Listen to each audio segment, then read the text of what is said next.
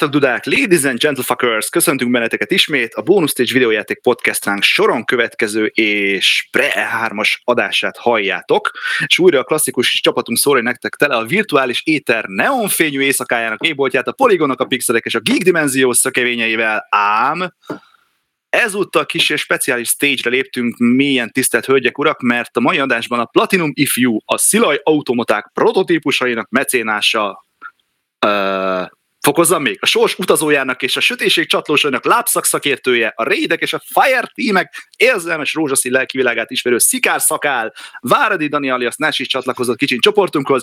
Üdv neked, Dani! Hú, nagy újongás! Valamit nyomjatok már. A tapsgépet elő kell venni, várjatok. Igen, igen, igen. Egyébként itt vagyunk mi, sziasztok, jó magam Stinger. Kevin. És Reptile. Azért nyugtass meg, hogy ez, ez a bevezető szöveg, ez való fel volt írva. Nem, ezt így abszolút, múltkor is így rögtönöztem, szóval... Azt a rohadt életbe Stinger, bazeg. Hát így most így, így, így oké, okay, le, legyen vége. Nyom meg a rekordgombot. És nem kell már mit mondanunk, aztán mindent elmondtunk, amit Köszönjük szépen, sziasztok, találkozunk az E3-on. E3-on. Találkozunk soha. E3-on. Na, a Bonus Stage podcastben még sosem beszéltünk arról, hogy milyen játékokkal játszottunk az elmúlt időszakban, és gondoltuk, hogy ez most egy jó alkalom lenne erre. A srácok, az elmúlt... De ne törjük meg a hagyományt, menjünk a témákra. Igen, ez is egy jó ötlet, így van. High five. Na de tényleg, tényleg uh, komolyra fordítva a szót, uh, volt valami olyan játék nektek az elmúlt, hát most már öt hete volt az utolsó adásunk, amivel kiemelkedően jót játszottatok? A Galgan 2-vel. ne arra, hogy ezt nem hiszem el. Csocskommandóval. a, maga, a maga módján lehet kiemelkedő az is. Igen, igen. Tehát a, hát kiemelkedik. A hol való kiemelkedik. Mhm. Többnyire. Én amivel hogy... játszottam, az az új, új, a régi új Donkey Kong Country Tropical Freeze. Azzal jót játszottam. És fe, félig kimaxoltam. Tehát így a, a hatból három szigetet azt teljesen száz százalékra teljesítettem, de nagyjából ennyi, nagyon keveset videó játszottam mostanában. Zsigerből ment egyébként, vagy gondolom az új újdonságokra fókuszáltál, nem? És Igerből Funky Kong, aki, mm. aki ugye az easy módot képviseli, és, és nagyon, nagyon élvezetes, nagyon gördülékeny ö, általa a játék. A fun az a key. Mm-hmm. Funky. Erre fókuszáltam. Repti, neked volt valami? Um, én igazából két játékkal játszottam az elmúlt olyan két hétben összesen, ha jól emlékszem. Az egyik az a Shadow of the Beast-nek a PS4 verziója, ez két éve jelent meg egy ilyen oldal scrollozós beat'em up, vagy, vagy, vagy nagyjából annak lehet mondani, meg platformer keverék. Elég jó. Annak idején nem tudom miért, de, de abba hagytam az elején, de most már tovább vittem. Nekem rohadt nehéz. Én nagyon nem bírom a nehéz játékokat, de ez most már csak azért is, mert igazából állokolni akarom az eredeti soundtracket, mert ez mm. ugye egy Amiga játéknak a remake vagy nem is tudom, hogy lehet mondani. A másik, ami hogy 10 órát játszottam, az a Skyrim VR. Na most Na, én... erről mesélj egy kicsit, mert ezt, ezt nem, hát, VR, VR-en otthonosan mozgó mi volt, ami más volt ebbe a játékban? Hát ennek, na várjál, szóval nekem nagyon érdekes a Skyrim VR, ugyanis valószínűleg a világegyetem egyetlen játékosa vagyok, aki soha nem játszott a Skyrimmel. Nem, én is, itt vagyok. Na. Itt a, itt a harmadik. Itt a negyedik. Hát ez egy kicsit mellé. Hát, oké. Okay. Tehát akkor mondjuk úgy, hogy a, a bonus stage podcasten kívül tehát nekem, nekem nagyon tetszett. Tehát én ugye tesztelgettem már elég sok ilyen Bethesda VR játékot a Gamer 365 lapján, tehát a Fallout 4-et, akkor volt, ami nem Bethesda, de mondjuk hasonló méretű az az Eleanor volt, meg stb és igazából még a Fallouthoz képest is elég komoly előrelépés volt ez, mármint a VR-esítést illetően. Tehát a, nem, nem ugyanaz, mint a Fallout. Sokkal, sokkal, sokkal jobban megcsináltak dolgokat. Ugye ez eredetileg PlayStation, PlayStation VR-ra jött ki, már hónapokkal ezelőtt, és most jött ki a PC verzió. Nagyon jó. Szerintem nagyon jó. Tehát nagyon, nagyon, a grafika gagyi, vagyis hát olyan Skyrim-es, de igazából jól áll neki 3D-ben ez az egész, és emiatt normálisan mozog is, tehát nincs performance problem, stb. Uh-huh.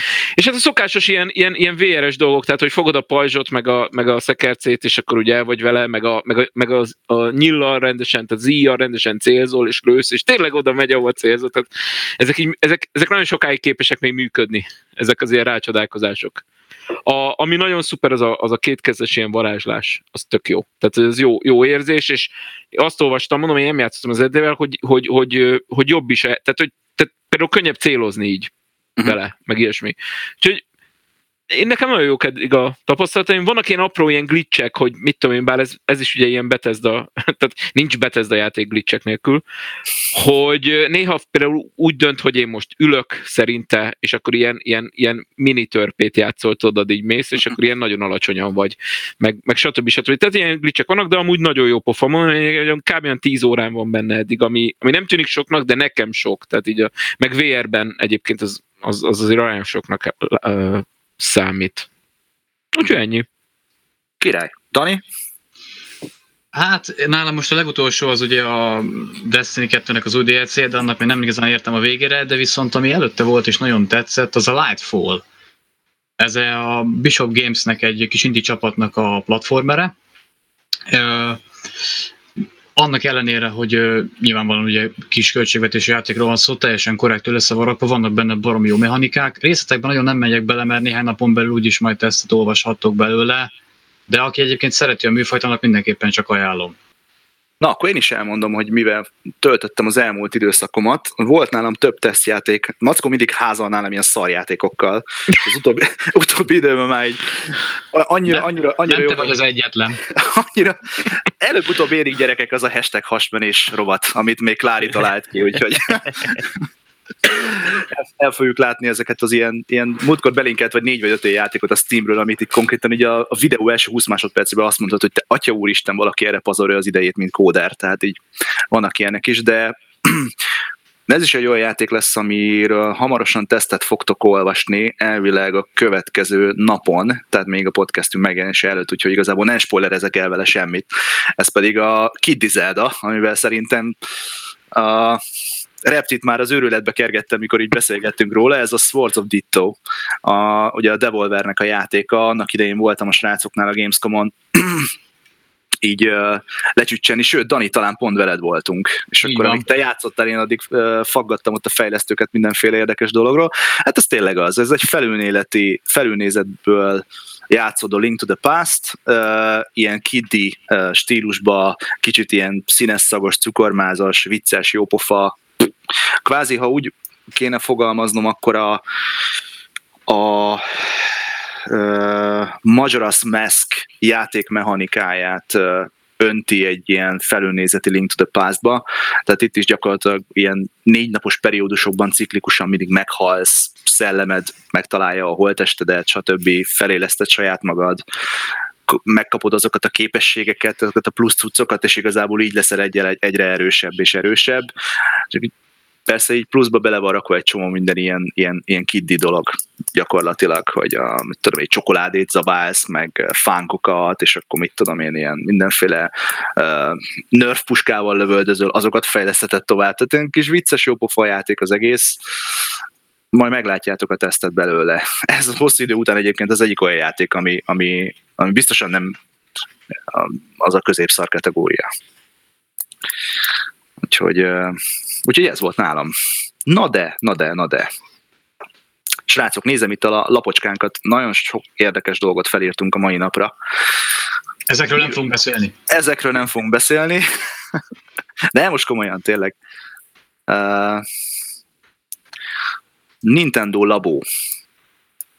Ezt bekarikáztuk szépen uh, nem pirossal, de, de feketével. Kevin, ezt szerintem a te asztalod.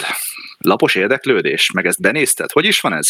Hát én úgy gondoltam, hogy ez a labó, ez, ez, így, ez így bankot fog robbantani, és tényleg így minden, minden háztartásból lesz legalább négy, de ahogy nézem, azért annyira nagyon veszélyes, nagy duranás nem történt.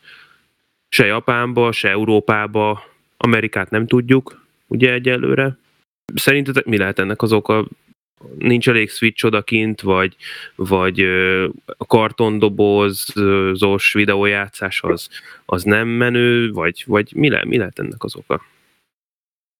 Akkor mondom én, kezdem én a sort, mert nagyon nagy a csönd. Uh-huh. Uh, igazából szerintem ez egy, uh, egy bizonyos rétegnek készült szórakozás, illetve egy olyan, sokszor beszélgettünk már, hogy mi ez a labó, mi a koncepció mögötte, és hogy benne van ugye ez a kreativitás, de eleve ez a, ez a fajta kreativitás, illetve a célközönség, amit megcéloz a Nintendo ezzel a labó termékcsaláddal, az, az, az, nem a, az nem a 16 év és a fölötti, hanem főleg az ilyen kis, ilyen kis kamaszok, illetve kamasz korban lévő fiúk, lányok, akik eleve csak egy részét képezik ugye a magának ennek a szegmensnek.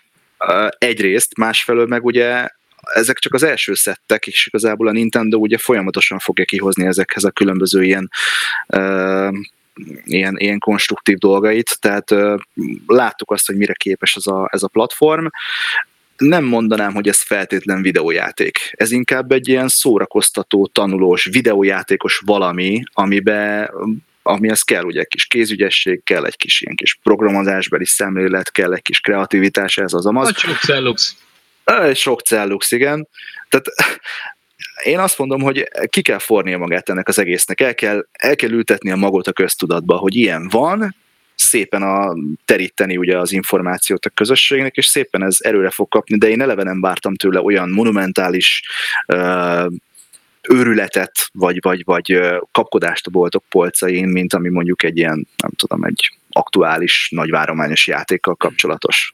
Másként teszem föl a kérdést. Ö, ti miért nem rohantatok labóért a boltba, amellett, hogy nem csigázott annyira, téged Stingy, azt tudom, de ö, sokaltátok az árát, vagy, vagy ö, egyszerűen nem éreztétek azt, hogy, hogy, hogy ez annyira izgalmas, hogy ezért boltba kéne menni. Én őszintén szóval kicsit sokalom a, az árát talán, de nem belőlem kell kiindulni, nagyon másként nézek erre a dologra, meg nem mint egy átlag felhasználó, meg azért is gondolom, csak hogy, hogy, hogy mi, mi lehet az oka annak, hogy, hogy mondjuk ti, ti nem. Hát nálam nagyon két egyszerű ok van. Egyrészt nincs switch kettő, kettő a maga a koncepció engem olyan szinten nem érdekel. Tehát én egyszer már ezt kipróbáltam annak idején másfajta szisztémával, másfajta megoldása. Persze nem volt benne ilyen mozgásérzékelős dolog, meg ilyesmi, de maga a platform és ez a, ez a e, játékos formában öntött programozás az nekem már megvolt. E, meg a gyerkőc még itt nálunk túl pici ehhez. Tehát igazából nálam abszolút ez a kivárás van. Meglátjuk, meglátjuk. Nos? A magam részéről igazából én az, arra lennék leginkább kíváncsi, amit nyilván nem úgy akartam kideríteni, hogy első körben egyből megveszem, hogy a karton maga mennyire strapavíró, mennyire tartós. Tehát mennyire van szükség arra, hogy az ember hetente, két hetente, vagy gyakoribb időközönként mindig vegye hozzá az újabb bizékat, ugye, extra kiteket, hogy tartós legyen. Mert most ugye egy, egy, egy jól összeállított marketing videóból ez annyira nem jön át az embernek, tehát ott nagyon jól be lehet mutatni azt, hogy milyen a végtermék, meg mit lehet vele kezdeni. Én például mondjuk a, a hiszem pont a horgászbotos változatnál néztem azt, hogy mondjuk maga a bot, amikor teljesen össze van rakva, hogy az mondjuk egy, egy nagy Isten, mondjuk egy erősebb rántásnál, hogy akar mondjuk esetleg megtörni, vagy bármi ilyesmi. Tehát nekem igazából inkább a tartóság az, ami leginkább szűk keresztmetszet. Uh-huh, uh-huh.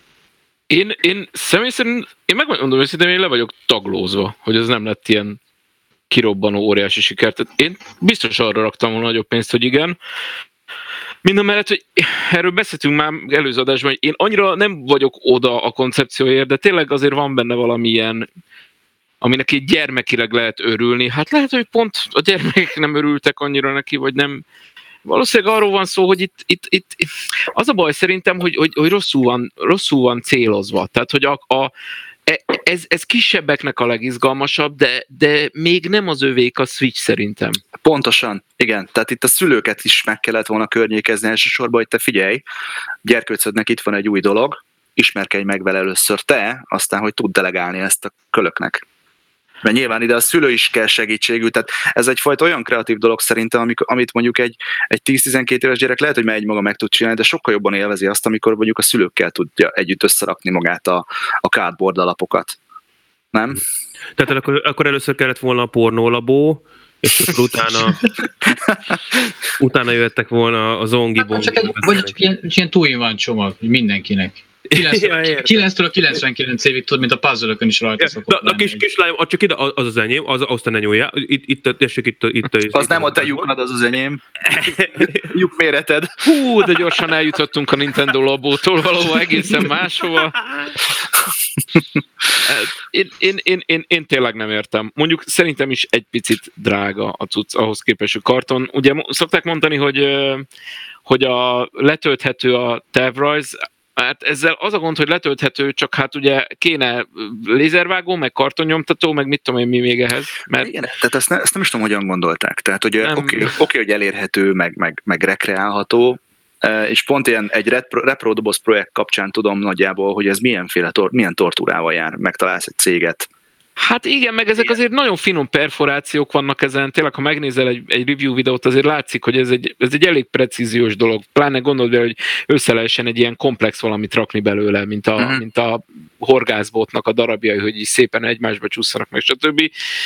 Ha meg megnézed, hogy mennyibe kerül a, a replacementek, azok, azok nagyon drágák ahhoz képest. Tehát, hogy, tehát körülbelül ugyanannyiért kapod meg a, a kitet, mint az eredetit, mert ugye eredetileg az volt, hogy a szoftver drága, nem, ezek uh-huh. szerint nem a szoftver drága. Tehát nem, nem tudom, nem vagyok biztos benne, hogy e, e, emiatt nem sikeres, szerintem inkább nem jól volt célozva. Tehát, hogy még ez a, a, nem, nem, a, nem, a, nem azért a Switch főleg, tehát nem, az, nem annak a main konzola, akinek szól ez igazából. Uh-huh. Szerint, szerintem. Én ezt és, tudom.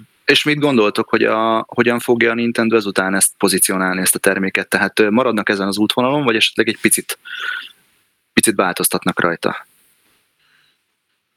Szerintem, hogyha nem, nem lesz itt valami nagy revolúció az eladásokba, akkor el fogják engedni, szerintem. Uh-huh. Mondjuk Amerikában még nem tudjuk, hogy hogyan fog debütálni ez a, ez a termékcsalád, hiszen ott majd csak most fog megjelenni, jól mondom? Mm, nem, már Amerikában előbb megjelent, Kap, Európában. Kapható, akkor nálam ez valami fals info volt. Csak onnan nincs adatunk? Nincs adatunk, csak havonta. Ja, nincs adatunk. Aha. Na jó, hát ö, én azért nem örülnék neki, hogyha ez itt teljesen elkaszálódna mondjuk egy záros határidőn belül, mert tényleg van benne fantázia, meg tényleg van benne ötlet, úgyhogy én, én kívánom azt, hogy ez így sikerüljön, vagy legalábbis változzon. Mert a, például a a magyar nintendo fórumokon is én annak idején, amikor volt a premier, én olvasgattam, és így próbáltam tájékozódni, hogy ki az, aki ezt, ezt megvásárolta, vagy tervezi megvásárolni, és tényleg nem nagyon kapkodtak az emberek érte. És igazából mindenki annak az volt a válasz, hogy hm, hát megnézem majd, hogy ez milyen, majd megvárom a beszámolótokat, hogy milyen. Kicsit olyan jellegű dolog ez, hogy tudod, nem olyan, mint egy videójáték. Igen. Nem tudod, tehát nem tudod pontosan, hogy mit kapsz majd ezért. Nem csak a pénzedért, hanem mint élmény. Tehát ez ilyen tri- trial and win gyakorlatilag. Tehát tényleg promózni kellett volna a cuccot mindenféle helyen. Meg ez nem, ez nem az a klasszikus videójáték, ez egy videójáték, és ez ilyen kreatív hobbinak a, a mesdjéje. Na most, hogy ez egy, ez egy, ez egy völgy, vagy egy, vagy egy hegy, az eladások szempontjából, az majd hamarosan fog kiderülni. Uh-huh. Már megint a Galgan. Tehát erre van egyébként, egy, ajánlom, ajánlom nektek az Agent Aika nevezetű anime sorozatot, hogyha a Gágán ennyire bejött, akkor, akkor nézzétek meg a Bugyi Kommandó legújabb kalandjait, mert ezt tetszeni fog.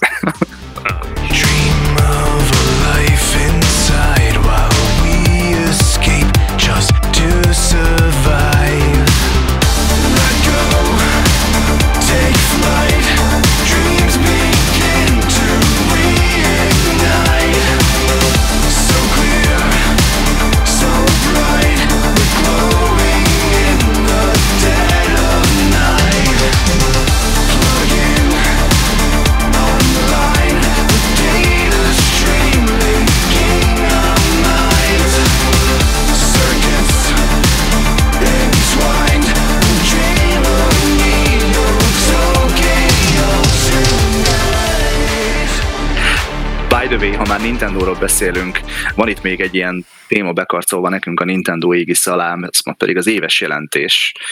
És hát ez alapján úgy gondolom, hogy a kiotóiknak, kiotóiaknak azért van miért örülni, nem?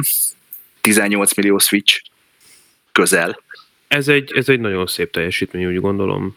Meg valami, mi is volt ilyen másfél, másfél milliárd dolláros bevétel, vagy valami hmm. ilyesmi. Azért az eléggé, eléggé szép teljesítmény.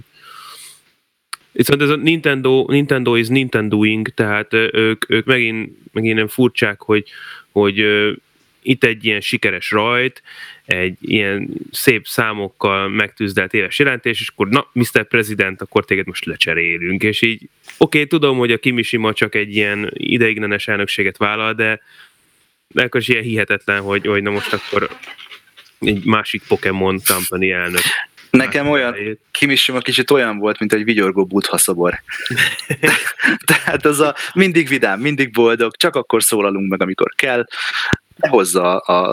Hát, egyszer szólalt meg, amikor a Switch-et bemutatták a tavaly januárba. Akkor volt elő, egy, egyszer és utoljára színpadon, de az is csak így az elején meg a végén megjelent, mosolygott kettőt, hát akkor most jönnek a srácok, aztán de nézd meg, milyen jól végezte a dolgát. Egyszer szólalt. Vigyorgott, és 18 millió switch. Drága mosoly, ennyi. Igen. De és a, ami, a másik dolog, ami switch kapcsolatos még, az, hogy ugye meg lett hackelve a gép. Most már úgy eléggé konkrétan meg lett hackelve, tehát ö, chip szinten, vagy hogy van ez, Repti, kérlek segíts. A, igen, tehát hard, hardveres hiba van, ami azt jelenti, hogy nem tudják egy fővel frissítéssel kipecselni.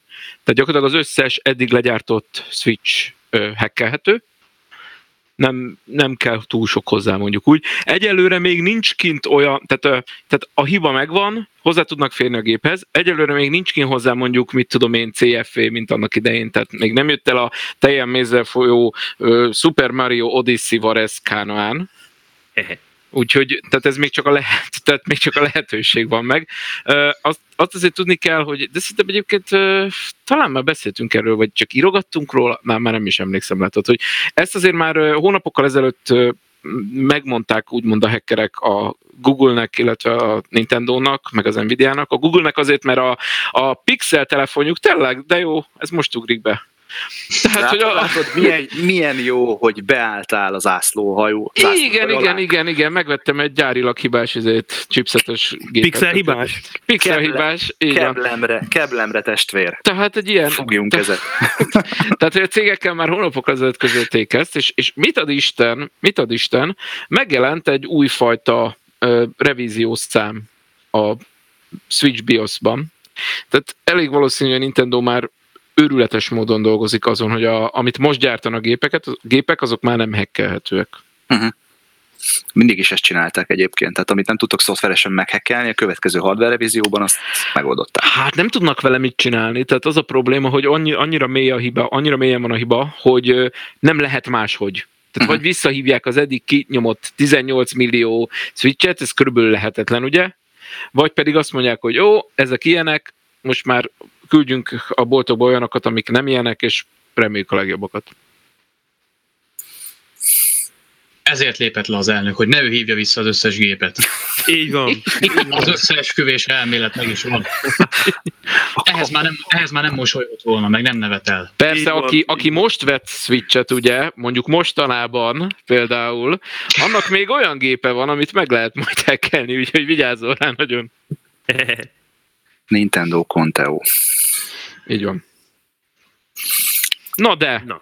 van ugye a Nintendo-tól még egy, még egy friss, friss ropogó sír, mégpedig, hogy bejelentették a Nintendo Online-t, mivel jár, mennyibe kerül, mi lesz benne, inkább az, hogy mi nem lesz benne, ugye, hogy is van ez?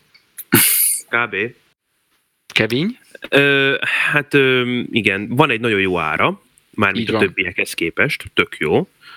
Ellenben a content, amit adnak mellé, az ugye multizhatsz, jó jó, a másik pedig, hogy 20 darab NES játékot kapsz mellé. Na most nézegeted ezt a listát, és így azt mondod, hogy igen, nagyon szuper játékok. A Super Mario Bros., meg a Bros 3, meg a Zelda, ezek Meg a tök jó játékok, a brossúra, A meg brossúra. a brossúra, igen. Én, én Nest kérdezném, hogy ezek a És Nest játékok, pillanat. ezek mennyire jók. Re- re- Reméltem, hogy ezt, ezt a gagyi szóvic mezőt, ezt, ezt most át tudjuk ugrani, de Nem, nem, ebben ne reménykedj, Ez- ez ez, nem- itt ez ez nem nem az a így megy. műsor. Igen. Az a baj ezekkel a játékokkal, hogy megvan Nesre, a, megvan Super Nintendo-ra a remaster a Mario-ból például, megkaptam 3DS-re, mint Ambassador, megkaptam a nagyjából ugyanennek a listának az érdemi részét, és ezen felül mit tudom, én, hogyha nagyon akartam volna, akkor még Game Boy Advance-re is megvettem volna ezeket, mert oda is volt egy ilyen klasszik kiadás, meg, meg virtuál konzolra, és akkor most meg odaadják nekem ezeket a játékokat nyolcadszorra. Hát. Kilenc egyszerre, még Nest Minire is megkaptad őket. Igaz, igen, igen. Tehát, Na, na, na, de, na de nem tudsz velük ott online multizni. Ezekkel meg elvileg lehet majd? így van, ott van a leaderboard.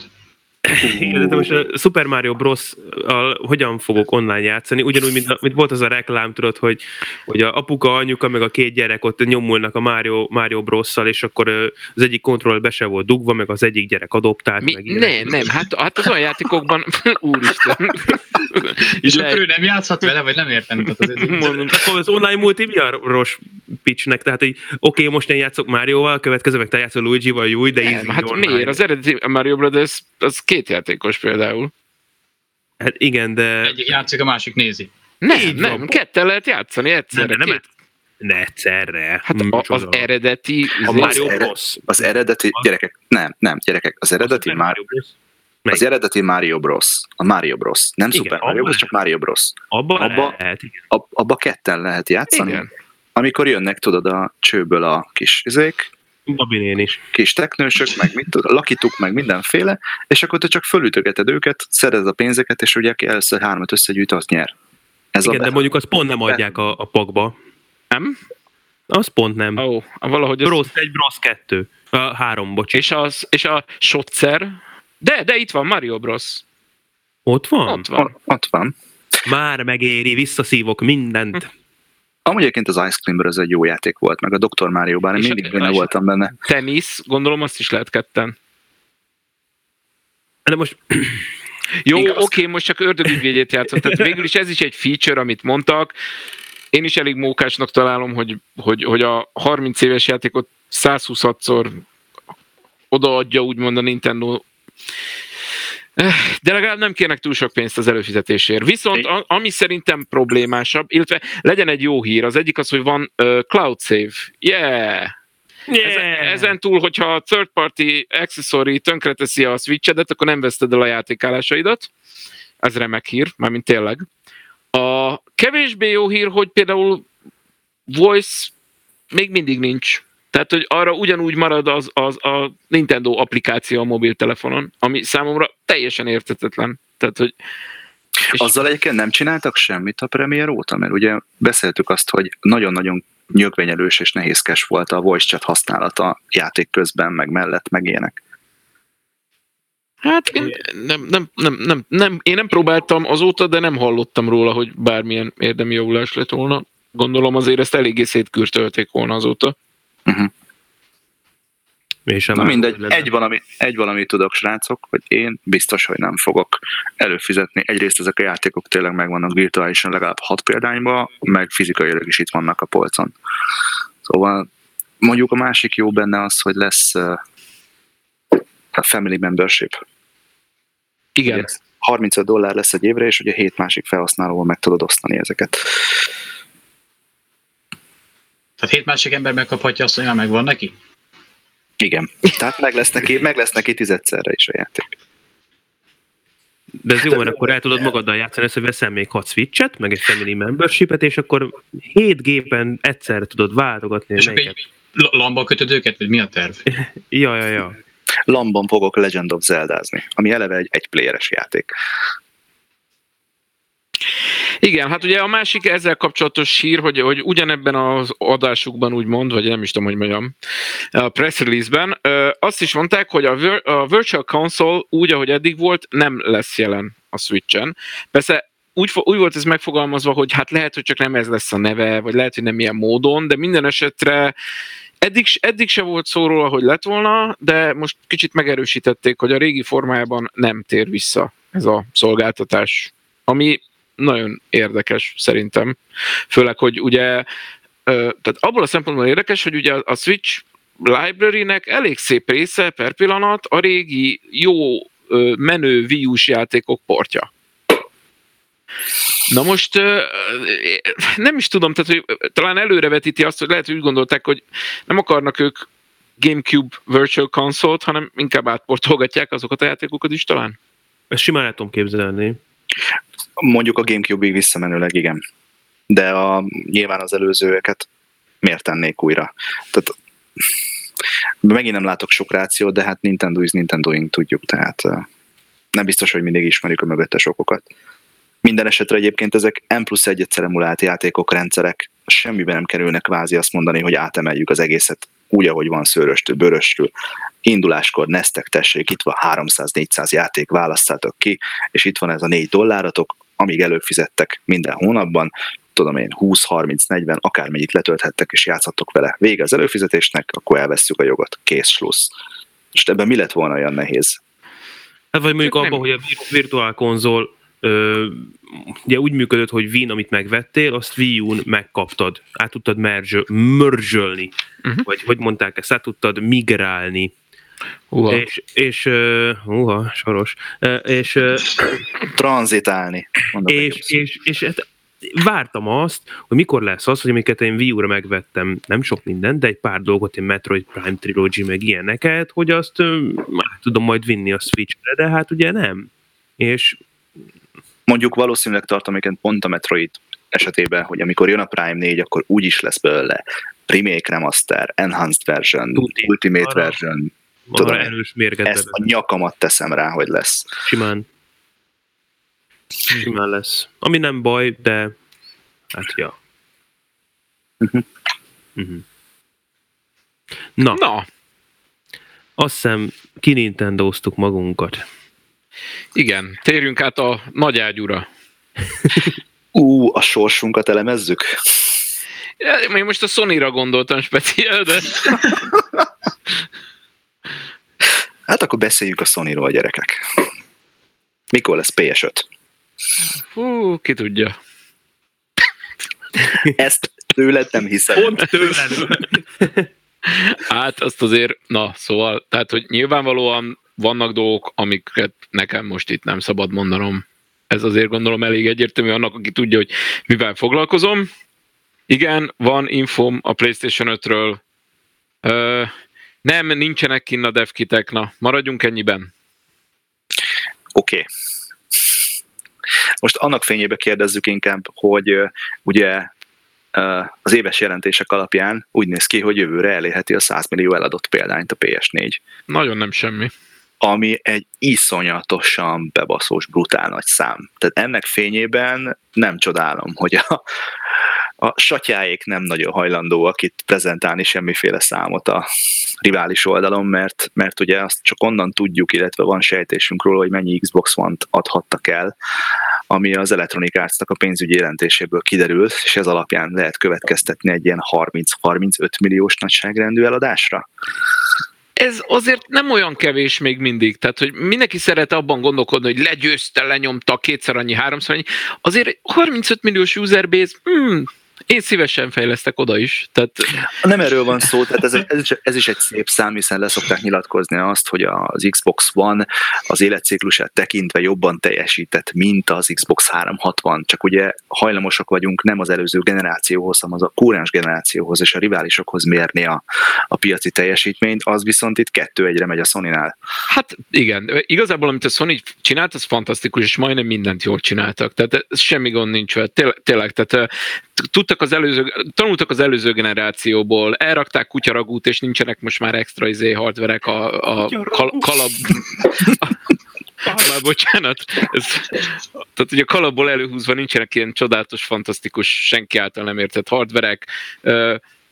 Konvergál, ugye, ugye gyakorlatilag a, a PS4 Xbox majdnem ugyanaz a hardware, ez, ez egy kicsit ilyen természetes dolog, hogy adott, adott pénzért legjobb teljesítményt, ezt a világon ezt lehet kihozni, mindenki ugyanerre jutott, viszont nem csinálták meg azt az őrületes hülyeségeket, amit a Microsoft ugye a bejelentéskor, hogy gyakorlatilag mindent elmondtak, amit a gamerek nem akartak hallani. A Sony megfogta magát, és 10 perc múlva a saját prezentációjukon így konkrétan így, így, így az ellenkezőjét, Aha. igen, így elmondta. Tehát itt semmit nem kell csinálni, csak elmondták az ellenkezőjét. És, a, és azóta is egy jól összerakott gép, rendkívül jó szoftverellátással, ráadásul ez volt a ez erősebb hardware a generációban, úgyhogy, úgyhogy ez ilyen smooth sailing, úgymond. Minden, igaz, minden az ő mamukra hajtotta a vizet. Tehát abszolút, abszolút, tehát tényleg ebben benne volt minden, uh, minden lehetséges rossz, amit a Microsoft csak elkövetett. Hát ugye tudjuk is azóta, hogy Metric bátyú már nem is dolgoz. Nem, elég hamar eltávították azt a srácot onnan uh-huh. szerintem. De az uh-huh. a mhm. baj, hogy az nem volt elég ahhoz, hogy egy cég kiheverje ezt, kiheverje ezt, hogy visszahozza a rendes kerékvágásba a dolgokat. Én emlékszem arra, amikor voltak ezek a hírek, hogy talán egy hónapra rá már cáfolták, azt hiszem, vagy pár hétre rá cáfolták, hogy nem, nem, nem lesz 24 órás izé, always online, meg, meg nem lesz ilyen, meg olyan, meg amolyan megoldás, de akkor már bukó volt az egész. Tehát és nem beszélve, én nem tudom, mit gondoltak, vagy mit szedtek ezek ott a generáció elején, hogy ennyire ennyire nem bíztak az exkluzívok erejében. Tehát ez volt a másik orbitális hiba, hogy kvázi elengedték ezt az egészet exkluzív, exkluzív szempontjából, és megpróbáltak egy olyan portfólió line felhozni, amiben csak third party címek szerepeltek, azzal az egy-kettő Xbox exkluzív címmel. Tehát a Sony itt is óriásit ment, és azóta megy is folyamatosan. És ugye láttuk azt a tavalyi E3 kapcsán is, hogy, hogy ugye volt az, hogy végignyomták játékokkal, na de milyen játékokkal? Hát multiplatform játékokkal, vagy időszakos exkluzivitásottal, 20 valahány cím, amit máshol is megkaphatsz. Ennek ellenére a Sony mit csinált? Jöttek egymás után a kisebb kis bombái. És azóta is folyamatosan ugye ez a szisztéma megy náluk.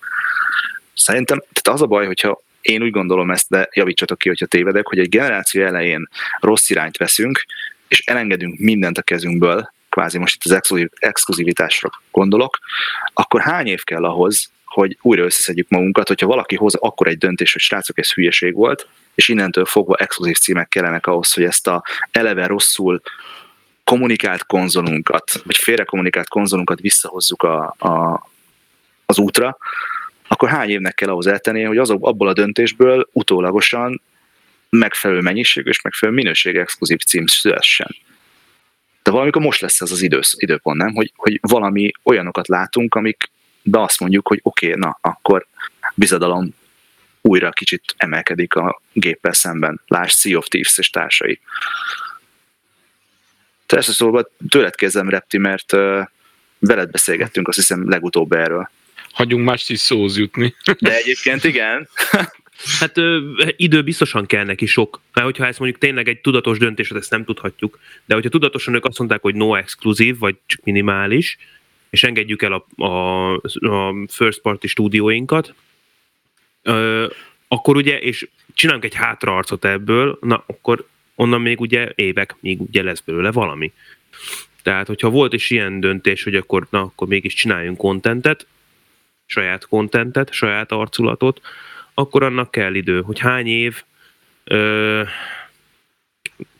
nem tudom, tehát ez egy bármennyi lehet.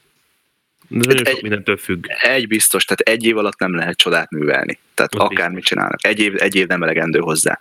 Tehát ugye az a pálfordulat, amit ugye annó elkezdett ugye a, a Phil Spencer kommunikálni, illetve nyomatékosította, hogy na akkor csak a gamerek, és hogy akkor igen, oda tesszük magunkat, és bla bla bla, az volt kb. három éve nagyjából. Azóta hát, elengedtek egy Scaleboundot, azóta... Hát, azóta megjelent az Xbox One X, azóta a Backwards Compatibility program baromi erős. Az tényleg jó. Azóta kijött a Sea of Thieves, azóta kijött Forza Horizon 3. Én nem, én nem tudom, én nem látom ezt ennyire borzasztónak. Értem a különbséget egyébként, amit mondtok, de szerintem az MS eleve a saját exkluzívjait ő, ő egybeveszi a Windows-zal. Tehát, ő, neki, uh-huh. tehát, tehát, az, tehát a konzoltársadalom ezt, ezt, ezt általában ezt nem így nézi, de ők ezt úgy tekintik. És ha Igen. úgy nézed, akkor nem olyan rossz szám. És gondolj bele, hogy, hogy, hogy, hogy azért ott a Gears of War, ott a Halo, ott a Forza 7, a Forza Horizon, ott a, a A saját exkluzívjaik meg baromi érdekesek, mert igazából szerintem az MS-nek több új exkluzív, mármint új IP exkluzívja volt, hogy őszinte legyek. Tehát ami nem folytatás. Erről jutott eszembe, hogy ugye ez volt a másik nagy törés, hogy amikor bejelentették ezt a Windows 10 uh, Xbox One összefonódást, ez a, uh, ezt a Unified, Unified platformot, és akkor jöttek, hogy ha, ha, ha, micsoda hülye más, majd megveszem bizony, meg a PC-re a játékokat, meg mit tudom én, tehát minek vegyek minek vegyek konzolt kvázi, uh-huh. úgyha Windowson is játszhatom, tehát ez is nyomta le az eladásokat valószínűleg. Hát nem hiszem. Szerintem ez, ez, ez, ez duma. Tehát, hogy eleve kit érdekel? Tehát ők a Mondjuk, szoftvert akarják eladni. Mondjuk Neki, a... ők platformot akarnak nyújtani a, a, a szoftverhez. Igen, és ebből a kontextusból tökéletesen érthető az ő lépésük. Amúgy, by the way, egyébként ez a 30-35 millió csak az Xbox One verziókat érint, vagy benne van az X is. Nincs benne az X, ugye? Jól hát figyelj, semmi nincs benne, mert ez csak ilyen kikalkulált a Electronic mm. Arts-os reportból, tehát hogy benne van nyilván. Hát ha, ha tényleg a platformot nézzük, akkor itt van a tökéletes platform. Tehát az Xbox One X minden szempontból szerintem egy abszolút, abszolút mai modern generációs konzol, de igazából játékok is vannak rá. Az mostani E3 ebből a szempontból egy kicsit érdekes lesz. Tavaly azt beszéltük még a, az E3 után, hogy na jó, akkor itt megint utca hosszal vezet a Sony, és hogy a következő évre datálják azt, amikor már az Xbox van is már ugye piacon lesz egy ideje, beérnek azok a fejlesztések várhatóan, amelyekről vagy nem tudunk még, vagy már tudunk, csak még nem jelentek meg, és várhatóan egyre több lesz az exkluzív. Uh-huh. Ne, Nes, mondj te is valamit nekünk. Engem igazából az, az érdekelne, hogyha lesznek is, mert igazából én is azt remélem, hogy lesznek, hogy mennyire akarják megtörni ezt a nagy szent háromságot, ugye a Gears Halo és Forza 3-ast, mert például a Sea of Thieves-nél lehet látni azt, hogy igazából van potenciál az új ötletekben is, és igazából amivel kapcsolatban én uh, ami ebben a szempontból picit igazából csodálom, meg tisztelem is a sony hogy ott van tényleg mondjuk egy Last Guardian, aminél bevállalták azt, hogy 10 éven keresztül fejleszték és annak ellenére nem volt rossz. Tehát, hogy ott, ott nem sokkal inkább mernek teret adni annak, hogy azok a játékok is megkapják a figyelmet, amik nem biztos, hogy mondjuk 80 millió példányban mennek el, és dollármilliárdokat hoznak. Úgyhogy ebből a szempontból igazából várom azt a Microsofttól, hogyha el is indulnak abba az irányba, hogy, hogy, hogy új játékot és akár tényleg exkluzívot hoznak, hogy akkor ne tényleg a már nagyon beállított címeket. Jó, persze, nyilván a másik oldalon is megvannak ezek, mert most a Sony se fog mondjuk egy uncharted vagy egy ugyanilyen izé klasszikusnak számító flagshipet elengedni, de ott ebből a szempontból kicsit én nagyobb változatosságot látok. Érdekes egyébként, ha belegondolsz például a, a Sunset Overdrive. Uh-huh. Az egy teljesen vadú IP volt, sőt ugye gyakorlatilag az egyik, nem is tudom, az egyik a három tényleg Xbox exkluzív játékok közül, tehát ami nincs PC-re vagy ott van a Record, ami uh-huh. szintén új IP volt, ugye? Igen, csak ugye, ugye ezeknél meg viszont ott van az, bocs, hogy belevágok, hogy ahol egyébként ezeket ténylegesen igaz, csak én attól tartok, hogy ezeknél meg az eladások miatt, mert ugye igazából azért egyik se váltotta meg ilyen szempontból a világot. Persze, persze, hogy, persze. Hogy, hogy, hogy emiatt szerintem igazából ezeket elkönyvelik úgy, hogy oké, okay, megpróbáltuk, jó, akkor térjünk vissza ahhoz, ami megy. Uh-huh. Hát egyértelmű egyébként, hogy két tök különböző szemlélettel működik a cég. És nagyon érdekes, hogy tehát most könnyű azt mondani, hogy hát a sony a jó, mert egyértelmű, hogy ők adták a többet, de én azért azt mondom, hogy majd nézzük meg tíz év múlva mi lesz, tudod? Tehát, hogy én el tudom képzelni, hogy, hogy, hogy ez a fajta például, amit, a, amit csinálnak, ez a szolgáltatásszerű játék, tudod, a Game Pass például. Uh-huh.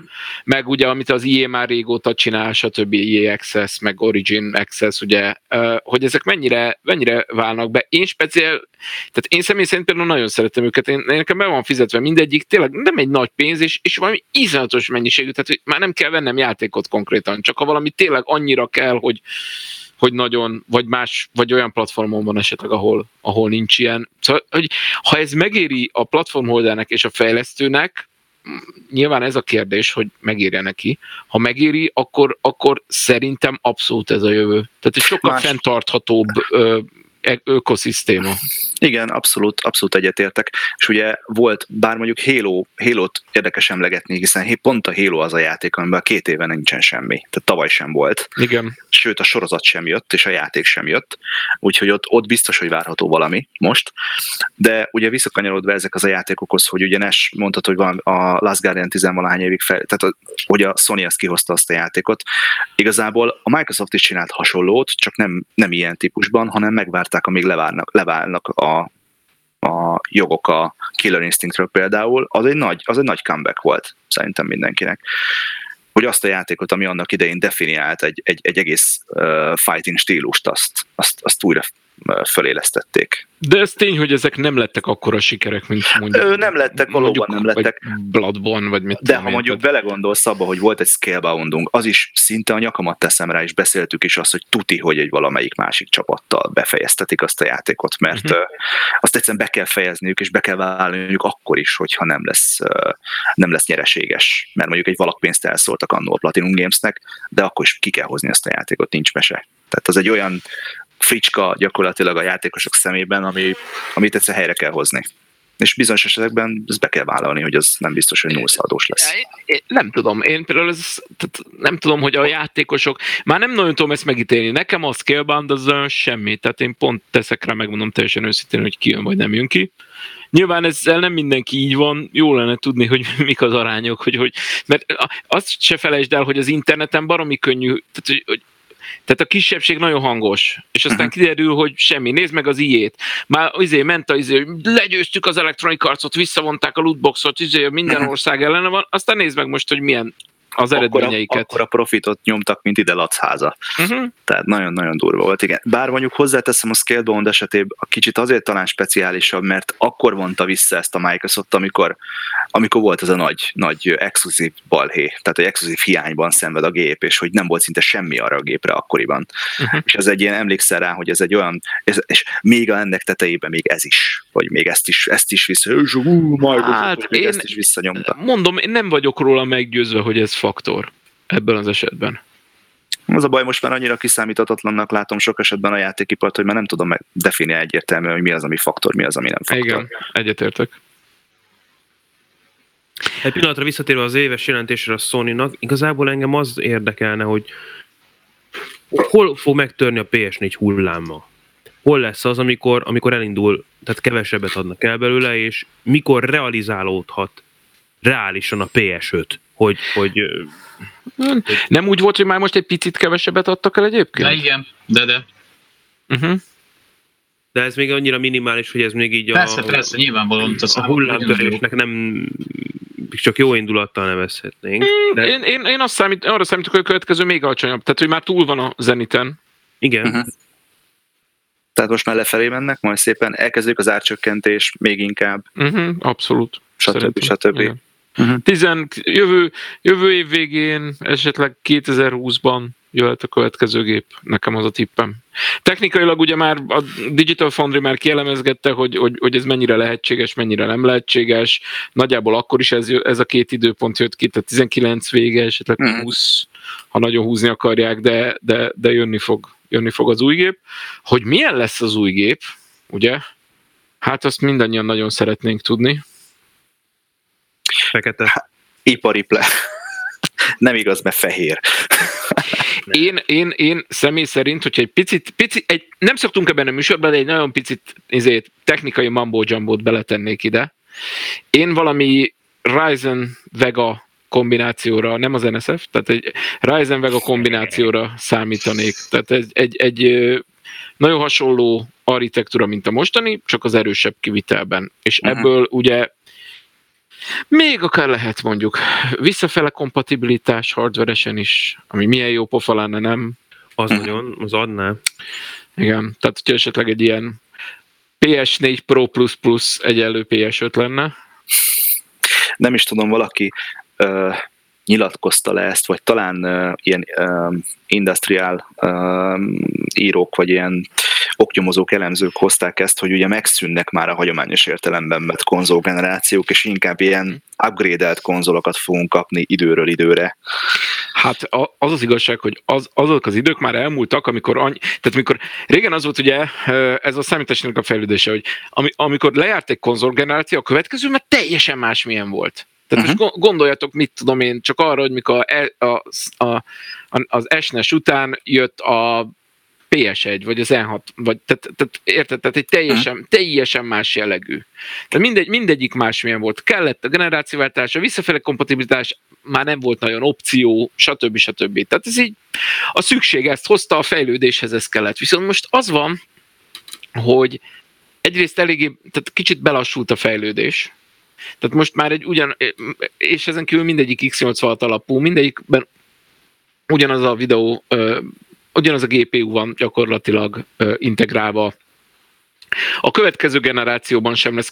Egyébként elég megnézni a PC, PC ipar fejlődését. Tehát uh-huh. körülbelül, körülbelül azt, a, azt a tempót hozza, csak mindig egy kicsit vissza, mert manapság már ugye például szempont az, hogy energiatakarékos legyen, stb. stb. És ezek, e, ezek miatt egyszerűen hogy mondjam, tehát egyrészt nem lehet eldobni a, a régi library-t, tehát ott vannak a PS, tehát erre a PS4-re valami iszonyatos mennyiségű jó, jó játék jelent meg. Ezt uh-huh. most már nem lehet csak úgy kidobni.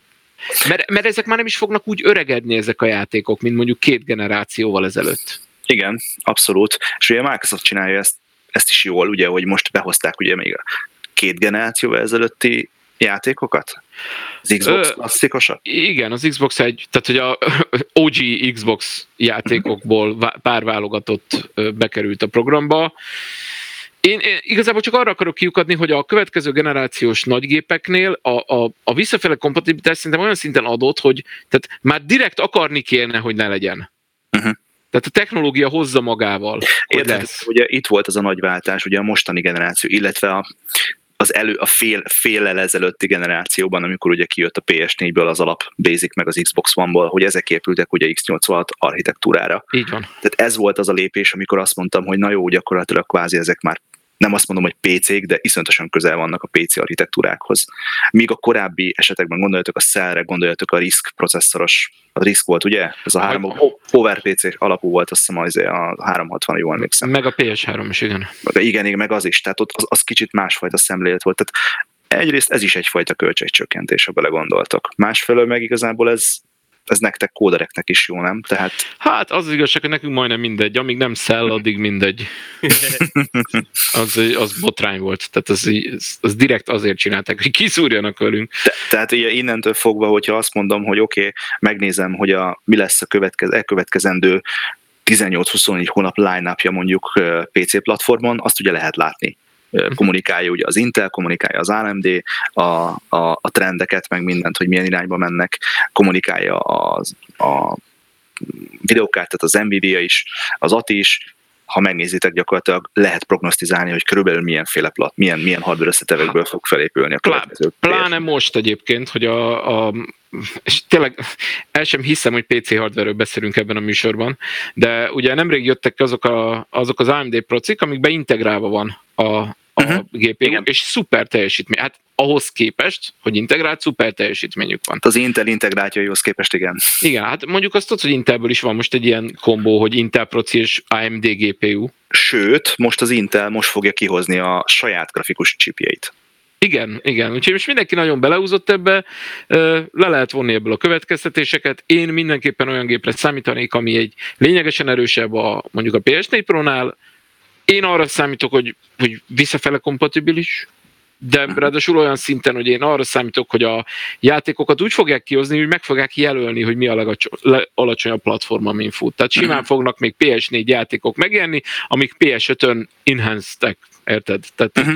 nagy felbontáson, nagyobb framerate stb. futnak. Tehát egy kicsit ilyen PC jellegűen. Úgymond Xboxnál meg gyakorlatilag már ezt éljük már elég rég. Tehát ugye már a PS4 Pro-nál is megvoltak ezek a boost mód, tehát az ilyen automatizált dolgok. A, egyébként ezt programozói szinten most már ráadásul olyan a mind a két gépnek az SDK-ja, hogy, hogy egy csomó minden ilyen hogy mondjam, általában egy konz- a konzolokban általában adottak bizonyos paraméterek. Tehát azt mondják, hogy mit tudom én, számítatsz arra, hogy a 1080p lesz a legnagyobb, és kész. Érted? Uh-huh. Tehát, hogy PC-n ugye nem így megy, ott le kell kérned a videokártyától, hogy milyen felbontások vannak, azt kiválasztja, bla bla bla. Na most az új konzol SDK-kban, amit a nemrég frissítettekben, már már, már ez van. Tehát, hogy így, tehát érezni, hogy készülnek arra, hogy, hogy a, a, a gép az már nem csak, nem a gép, hanem a gép 1, 2, 3, 4, 5. Uh-huh, uh-huh. Régen a Steam próbálkozott ilyeneken, viszont a Steam gépek voltak az elsők, bekategorizálták őket, hogy melyik mire képes. Uh-huh. Ó, hát ilyen már 90-es években is volt a multimédia PC 1-2. Persze, persze, persze, persze, persze. Úgyhogy, úgy, hát meg ugye az MSX. Uh-huh. Ha viszem, tehát ugye az, az MSX gépek annak idején. Igen. Azok Igen. is ilyen klasszokra voltak, és akkor meg volt mondja, hogy ez a program. Igen, nálunk nagyon nem voltak elterjedtek, nem, inkább Japán. Az Japán volt, így van, így van. Azon kívül vicces, mert ugye az MSX azért MSX, mert Microsoft. Microsoft, fú, igen. igen. Úgyhogy szeretettel várjuk az új gépeket. Igen, abszolút. Reptile Tech rovatát hallottátok. Igen, köszönjük szépen. köszönjük szépen. Szerintem menjünk el most egy kis szünetre, és akkor folytatjuk később. Rendben.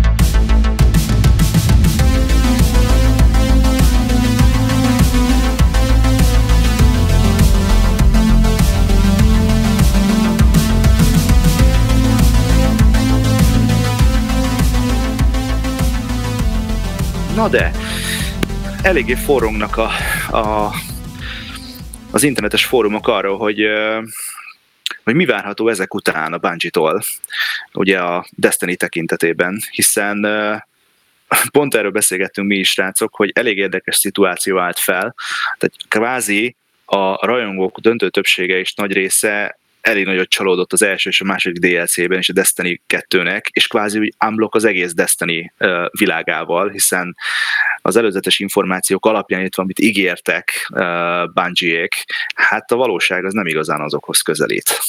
Nes, te mint Destiny szakértő, én csak mint lelkes amatőr, Mit gondolsz erről? Most ugye mondom ezt, hogy ugye mesélted azt, hogy a Warmind-dal játszasz, ugye a Warmind DLC nem értél még a végére, de kvázi egy ilyen átfogó képet már tudsz foglalni a, a destiny Ha jól tudom, akkor nem is lesz több DLC, igaz? Ez talán az utolsó kettőhöz. Vagy hát ez igen. Nem, ugyanaz ugye a felállás itt is, mint az egynél volt, tehát ugye, ugye a két kis DLC-s uh, expansion passzos megoldást, ugye majd most le, ugye az az info, hogy szeptemberben követi a kvázi Taken King méretű nagyobb kiegészítő, én mondjuk látok abban rációt, hogy ez esetleg a szeptemberről mondjuk egy októberre, vagy akár novemberre csúszhat, még úgy is, hogyha mondjuk ezt itt nekik kiadják parancsba, mert azért elég, tehát hogy a, azért ingyenes vagy kisebb update-es roadmap-ekkel is ugye kell dolgozniuk, plusz mellette ugye akkor ezt a viszonylag nagyobb kiegészítést össze kéne hozni, és mellette ugye már arról is voltak hírek, hogy a háttérben a csapat már a Destiny 3-on dolgozik, ez mondjuk nekem kicsit nevetséges, de mindegy. Tehát én mondjuk simán el tudom azt képzelni, esetleg az a szeptemberi megjelenés itt még nincs annyira kőbevésve. Uh-huh. De mi a baj a játékkal alapvetően? Mert olvasni nagyon-nagyon sok mindent, hogy ez nem jó, az nem jó, amaz nem jó, de ennek ellenére tolják bele a, a, az óraszámokat a játékosok. Tehát én... egy, egyik oldalról közelítsük meg azt, hogy ugye ami igazából az egybe és a kettőbe is még mindig nagyon jól működik, az még most is jó benne, ez ugye szép magyar kifejezés, ugye maga a gameplay. Tehát az, az egész FPS érzés, ami benne van, az még mindig jó. Tehát a fegyvereket jó elsütni, jó az egész a játékkal játszani. Ez a része tovább, tehát maga a, a core, az alap a játéknak, ez szerencsére érintetlen, ez még mindig jó. Azt továbbra is tartom igazából, hogy amíg az ember a sztorin egyszer végig megy, tehát magán a főjátékon, most a DLC-ket még ide nem veszem, addig egy viszonylag jól felépített és színvonalban mondjuk azért nyilván bele lehet kötni, de egy viszonylag konstans egészet kap. Most nem követték el azt történetvezetés szempontjából, mint az egynél, hogy elkezdenek ilyen mellékszálakat, meg karaktereket behozni, akikkel aztán nem foglalkoznak. Egy szép kerek egész sztorit oda tettek az emberek elé, és megvan. Ami viszont nagyobb probléma, és én ezt két részbe szedem, az egyik az az, hogy annak érdekében, hogy növeljék a felhasználó bázist, jelentősen egyszerűsítettek játékmechanikákon is, illetve ö, sok szempontból a személyre szabhatóság és az ezzel és az ezáltal a játékban lévő variációs lehetőségeket is jelentősen csökkentették. Viccelődtünk itt azzal, én ismerősökkel, amikor beszélgettük, hogy lassan igazából azokat a változtatásokat, amiket behoznak, azzal azt érik el, hogy jövőre kiadják megint a Destiny egyet. Uh-huh. Tehát ugye a multiplayer érintő, ugye, hogy először lecsökkentették ugye a csapatok számát, hogy kevesebben legyenek, azt azzal indokolták, hogy ugye így akkor stabilabb lesz, kevésbé lesz lag, stb. Most ugye akkor el, erről visszaállnak ugyanúgy a 6v6-ra, a fegyvereknél a fix perkeket, amiket azzal hirdettek, hogy ezzel mennyire jól lehet majd balanszolni a fegyvereket, azokat most elvileg a szeptemberi és a fizetős DLC-vel együtt érkező update az akkor behozná újra a véletlenszerű perkeket. Tehát, hogy idővel minden olyan, amit igazából korábban úgy hirdettek, hogy ez a kettőben mennyire jó lesz, ezeket szépen elhagyják, és visszatérnek oda, ahonnan az egy végén voltak. Én mondjuk ezt nem bánom a magam részéről, csak nem értem, hogy ez miért kell egy évnek eltelnie. Uh-huh. Volt egy fixen jó működő alap, ahol úgy érezték, hogy változtatni kell, akkor miért nem inkább az bővítették, és miért abból vettek el? Tehát, hogyha ha csak a, arra az ember utána néz, és igazából ez egy fél másodperces Google keresés, hogy keresel egy akármilyen fegyvert vagy páncélt a Destiny 1-ből, és a Destiny 2-ből is összeveted, ég és föld a kettő. A subclasseknél, tehát hogy a karaktert mennyire tudod a saját játékstílusodhoz igazítani, ugyanez. Uh-huh. Tehát eleve indulunk abból, ugye, hogy az egynél volt ugye a karakterednek a három értéke, és a páncélokból adódó három módosító. Most itt az egyik, egyik ilyen hármast, azt teljesen kivették, és ugye a modokkal, illetve még néha azzal sem, hanem a játéknak a beépített uh, cooldown képesség újra töltő mechanikája az, amit nagyjából sehogy nem tudsz befolyásolni. Ezt, uh-huh. most, ezt most ők a Bungie-nál patch növelték, meg konkrétan olyan, olyan szintű volt, hogy például mondjuk egy, egy szuper képességnek a visszatöltése az ilyen 6-7 perc volt. Uh-huh. Nevetséges úgy, hogy az első részben ezt le tudtad vinni egy perc környékére. Uh-huh. De igen, nekem a, a problémám a játékkal kvázi az, ugye főként, tehát én a Destiny 1-ben nagyon sok, sokat beletettem, rengeteg, rengeteg órát. Mondjuk hozzá képest mindig elenyésző mindegy. Tehát én bőven ilyen 250-300 óra környékén vagyok, de a Destiny 2-ben viszont megfogadtam egyrészt életmódbeli váltás, család, stb. miatt megfogadtam, hogy nem fogok multiplayerezni, csak single bejátszom végig a játékot. És ebbe, e tekintetben, vagy ebbe az aspektusban, amit te is mondtál, Destiny 2 egy teljesen korrekt játék egyébként. Tehát ugye singlebe végigjátszod, megkapod azt a látványt, megkapod az élményt, megkapod a hatást, megkapod a vizualitást, mindent megkapsz, és ennek ellenére, amikor ugye újra-újra belépek bizonyos időközönként a játékba, akkor csak azt látom, hogy mindig variálnak valamit vele össze-vissza, és újra kell tanulnom kvázi. Egy-két órám azzal megy el, hogy megnézem, hogy pontosan most akkor mit változtattak, hogyan változtattak, ez miért nem úgy van, az miért úgy van, és az embernek egy idő után tele lesz a hócipője. Ez az egyik, a másik meg az, hogy amiket hallok, hogy sokszor azt kifogásolják, hogy a content, a content, a content, a content, hogy kevés. És ugye ez a legnagyobb problémájuk nekik,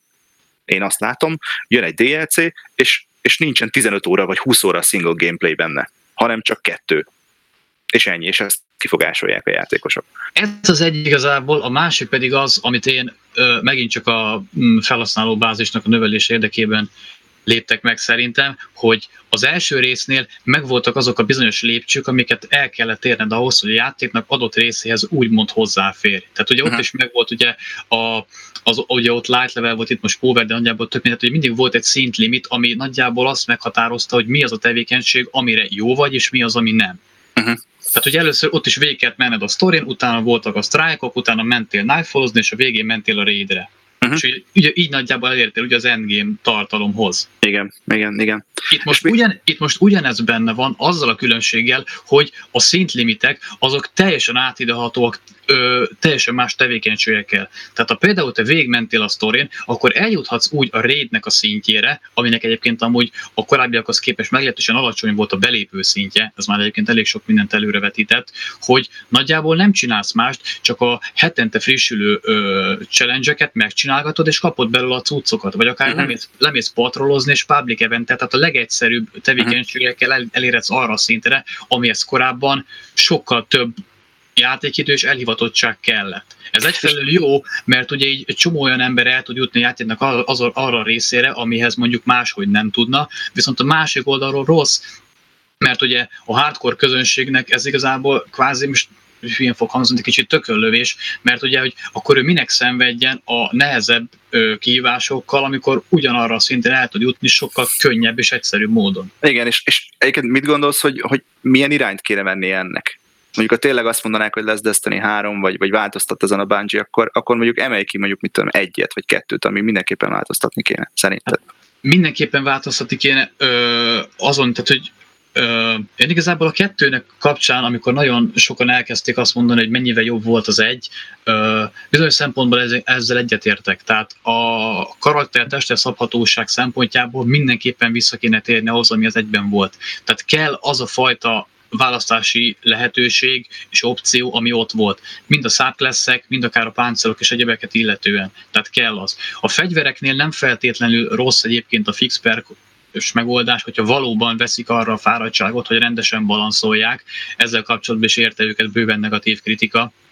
Bár megmondom az őszintét, az utóbbi időben nem foglalkoztam annyit a játékkal, hogy lássam azt, hogy ténylegesen mennyire nyúltak bele a metába, és mennyire változatosak a fegyverek. Amikor én utoljára multit ott hagytam, ez igazából tavaly az első DLC után volt nem sokkal, akkor uh, nagyjából az volt, ami korábban is, hogy három-négy fegyver dominált masszívan. Tehát uh, nem volt változatosság. Tehát az volt, mint az, mint az egynél igazából ugyanúgy megvolt az a fajta leosztás, hogy ha ezekkel a fajta fegyverekkel mész, akkor me, akkor viszonylag könnyebben lehet sikerélményed, persze másnál is lehet érvényesülni, de azért megvolt ez a könnyebb út, a könnyebb ellenállás. Uh-huh. Azt mondom, hogy nem feltétlenül rosszak a fix perkek, ha egyrészt tényleg veszik a fáradtságot a balanszra, illetve hogyha megcsinálnák azt, hogy egyszerűen csak a számokat növeljék. Tehát itt sem lett volna feltétlenül probléma az, hogy mondjuk csak ezek a fajta csak vannak, hogyha mindegyik típusú fegyverből mondjuk kétszer annyi van a játékban. Uh-huh. Tehát akkor mondjuk a balansz az egyik legfontosabb, a másik meg az, hogy content legyen a játékhoz. Igazából a content megint érdekes, mert hogyha visszagondolsz, akkor az egyben sem volt feltétlenül sokkal több, csak azáltal tényleg, hogy jobban volt ö, elosztva, hogy mi az, amihez kapásból hozzáférsz, és mi az, amihez nem, az a kevés, ami benne volt, az többnek hatott. Tehát jobban el tudtál lenni benne. Itt például mondjuk az, hogy a sztrájkokat nem tudod direkt belindítani, ami ugye az egybe benne volt, tehát hogyha mondjuk esetleg, mert azt is ö, felhozták, hogy itt is visszahozzák azt, ami szintén az egybe volt, hogy lesznek majd ö, strike specifikus ö, revárdok, tehát droppok, de ugye mivel nem tud ezeket közvetlenül indítani, ezért most lehetséges, hogy csak azért kell jóval több időt eltöltened, hogy be tudj menni arra a strike-ra, ahonnan mondjuk esetleg neked kellene valami. Uh-huh. És hogy akkor még mindig ott van az, hogy ugye vagy megkapod, vagy nem. Uh-huh. Hát igen, na jó. Ezek szerint akkor tényleg elég sok probléma van most így a játékokkal, és legalábbis ilyen kardinális kérdések, úgyhogy bízunk benne, hogy a, a, a harmadik nagy kiegészítőre a, valamit ki fog találni a, a Bungie. Srácok, ti itt vagytok még?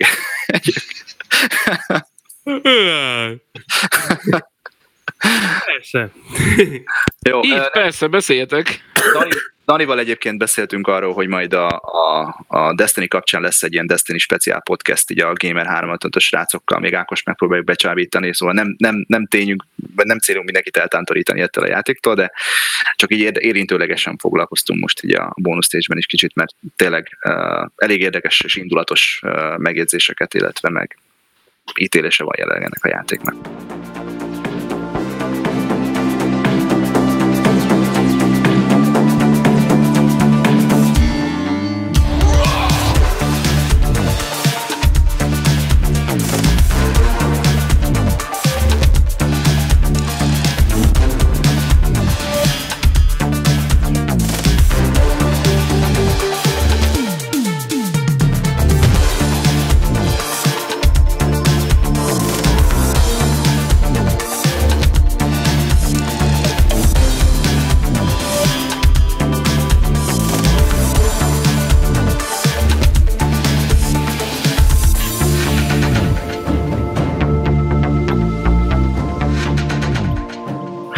Na de, na de.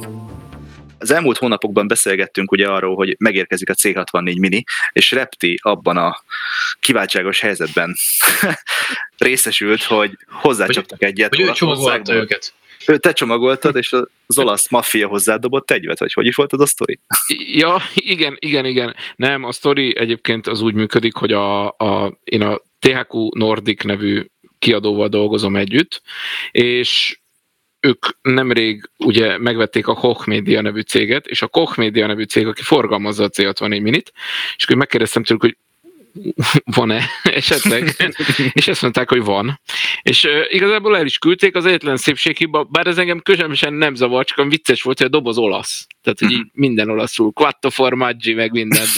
Nem, az, az pont nincs rajta, de valami, tehát ilyen, ilyen nagyon mókásan néz ki a doboz, na mindegy. Szóval a C64 mini, tehát, hogy aki nem tudja esetleg, akkor ez uh, meglepő módon pont olyan, mint a NES mini, meg az összes izé, mini, ez szoknya mini, meg minden, ami megjelent eddig. Ne, ne spiniben. Ne, uh, Badum. Szóval, tehát a C64 mini egy gyakorlatilag pont a minden irányban lefelezett méretű Commodore 64, az eredeti Brad Bean Commodore 64-ről mintázták, tehát az a, az a tömzsip fajta, ugye. Ez, uh-huh. egy, ez egy, ugye gyakorlatilag egy mini konzol, vagy mini gép, ami, amin 64 darab beépített C64 játék van, érted? 64 darab. Uh-huh. Ebből az egyik a Basic persze, de mindegy. Uh, ami egyébként nagyon fontos, majd később kitérek rá. Uh, adnak hozzá egy joysticket, ami az eredeti Competition Pro uh, utánzata, tehát úgy néz ki, az a, az a tipikus, tudjátok, ami a logónk is egyébként, ha megnézitek. Bizony. Tehát, tehát ez a fekete lábon, fehér dudva kitöm, tehát, na, tehát klasszik joystick kinéző piros, joystick. Piros bucival. Piros, piros buci, buci kis piros buci van a fején, így van, így van, mint aki fertőzött, vagy nem tudom. És tehát ez, ez, ez van, van a pici gép, nagyon aranyosan néz ki, a billentyűzete sajnos nem működik, nem lehet lenyomni, tehát az csak ilyen dísznek van, de nagyon jó pofán néz ki. Gyakorlatilag a lényeg, hogy HDMI kábelre rá lehet tolni a tévére, USB-n kapja a, a delejt, igazából nekem a delejt még a tévéről is levette, tehát simán a tévében mindkét kábelt benyomod, joystick rá, mehet a móka. Van egy menüje, a bekapcsoláskor rögtön az jön be, ahol ki lehet választani a játékot és játszani vele. Tök jó. Én egyébként személy szerint Disclosure, én nagy C64-es voltam, imádom, elég sokat tudok róla, szeretem programozni, zenélni, stb. Tehát, hogy kicsit elfogultan álltam hozzá az egészhez.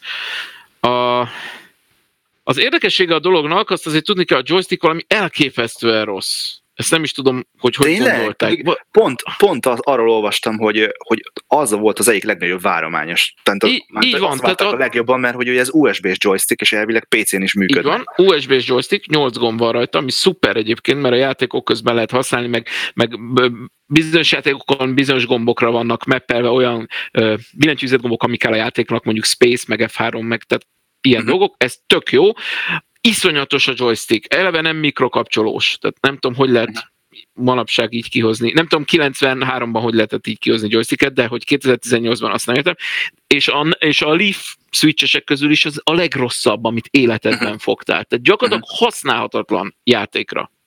Sajnos ezzel eléggé meg is pecsételi a sorsát a gépnek. Egyébként ö, azt nem lehet megoldani, hogy fogsz egy hagyományos quickshotot, és ö, ilyen sima ö, tudod, a DB9-es csati nem. kvázi USB átalakítóval valahogy ráteszed? Nem, nem, sőt, még a legtöbb USB-s gamepad sem működik, van amelyik működik, például a Buffalo féle, uh-huh. de a legtöbb egyszerűen nem működik vele, tehát nem uh-huh. ismeri fel. Azon kívül ugye 8 gomb kell neki, általában elég össze-vissza vannak a kiosztások, a, tehát hogyha egy tetszeges gamepadot fel is ismer, akkor is elég össze-vissza vannak a gombok.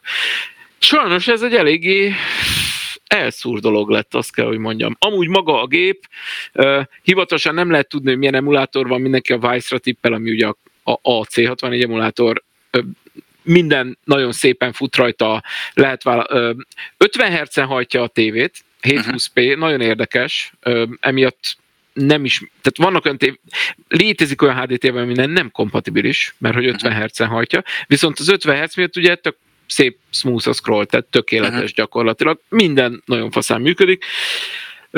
Nem tud külső fájlokat egyszerűen beolvasni. Tehát, tehát ha bővíteni akarod a játékokat, tehát egy másik játékot akarsz betölteni, akkor van rá mód, de nagyon-nagyon körülményes. Ezt ígérik, hogy javítva lesz a következő firmware verzióban. A firmware USB-ről frissíthető. Tehát mhm. gyakorlatilag, gyakorlatilag, ha a beépített játékokkal akarsz játszani, arra tökéletesen megfelelne, ha a joystick jó minőségű lenne, de nem jó minőségű. Uh-huh. A, ját, a játékok maguk egyébként egy aránylag jó válogatás, egy csomó klasszikus nem került rá jogi okokból, tehát nincs Last Ninja meg ilyesmi, de van California Games, Impossible Mission, uh, pff, mindegy. Kvázi, emlékszem rá, hogy a srác, aki ugye, vagy a, a, a, akik fejlesztették ezt a gépet, vagy csináltak, ugye azt mondták, hogy azért nem rakták rá ezeket a játékokat, mert ugye lehetetlen lett volna kinyomozni. Most nem speciál Last Ninja esetében, mert ugye az ott, ott egyetemen tudható, hogy ki a, ki a jogutód, hogy, hogy, hogy, nem lehet kideríteni, hogy ki a jogutód, mert annyi minden történt itt az elmúlt 20-30 évben. Így nem rakták rá, de a lehetőségét meghagyták, hogy mindenki saját maga, ha akarja, akkor Ö, hát nem hagyták meg, vagyis mondom, rendkívül körülményes. Tehát most konkrétan úgy működik, hogy egyetlen egy disk image file rárakhatsz az USB-re, speciális módon el kell nevezni, tehát ilyen TC64 kötőjel, 8 kötőjel, vagy pont D64. Tehát uh-huh. ez az egy lehet. És ezt a, B, a, a basic-et kiválasztva lehet olvasni. És uh-huh. ennyi. Tehát ez, ennyi a lehetőség. Hogy fognak ezzel variálni a jövőben? Elvileg fognak vele variálni, de mondom, a, a joystick katasztrófa. Tehát szerintem ez így, nem azt mondom, hogy teljesen játszhatatlan minden, de, de nagyon-nagyon durván megöli az élményt. Ebből, uh-huh. ebből ki kell hozniuk egy jobbat egész egyszerűen, mert különben, különben halott ez az uh-huh. egész. Amúgy nem lenne rossz. A, a C64 játékok, mivel Commodore játékok, ezért nem annyira úgymond plug and play barátak mindig, mint mondjuk egy NES klassziken, ugye ezek. Tehát, tehát erre mondjuk egy kicsit számítani kell, aki ezzel játszik, hogy lehetnek ilyen kisebb, hogy na most mit kell nyomnom, ma most mit kell csinálni, stb. stb. Uh-huh. Kevésbé hülye biztos, mint egy konzoljáték. Meglepő egyébként, mert én ennél azért kicsit többet vártam. Ugye beszélgettünk róla, hiszen én iszonyatos nagy Commodore rajongó vagyok én is, tehát jó magam is a mai napig itt van az asztalomon, meg, meg sokszor előveszem. Persze össze-vissza hekkelve, hiszen, és pont az az érdekessége, hogy nem tudom, mennyibe kerül ez a gép kvázi az európai piacon? Valami 70, 70 euró. 70 euró. Most 70 euróért mennyi az? Az kb. 20 pár ezer forint? 24-25 ezer forint. 24-25 ezer forint. Konkrétan Fox veszel egy C64-et, veszel hozzá egy, egy SDT jegyzet, vagy bármi mást, vagy egy, egy, egy, egy kártyát. Oké, okay, érthető, nyilván. Most ezt ki Meg előásod a CRT TV-t a pincéből, de nem, hogy nem, kell, még? nem kell hozzá CRT TV, tehát ugye itt a, a videókimeneten azért rá lehet rakni a CRT-et bármi másra is, és kvázi ugyanebből meg vagy. Hát de mire várjál tényleg? Itt tényleg ez a kérdés. Hova rakod rá? Tehát például az én tévében már nincsen csak HDMI. Az én, az én 4K-s tévében van, itt van fölöttem, nem HDMI, nem HDMI-n teszem rá a képet, hanem rendes, ugye van a, a van egy videókimenete, igen. és azt, azt a jelet képes fogadni az a tévékészülék. De az enyém már például nem. Uh-huh. Csak azt tehát... mondom, hogy tehát ezt is meg tudod oldani valahogyan. Veszel másik tévét. Vagy hát, veszel, hát jó, csak akkor már nem 21 ezer forintnál tartunk. Tehát... Igen, csak azt mondom, Apróságok. hogy... a C64 mindent megér. C64 erre is van lehetőség, tehát igazából ugyanebből az árból, vagy esetleg egy nagyon picivel többől akkor tessék. 5000 forintért vesz egy CRT TV-t. 220 ezer ki nem szarja le. Így van.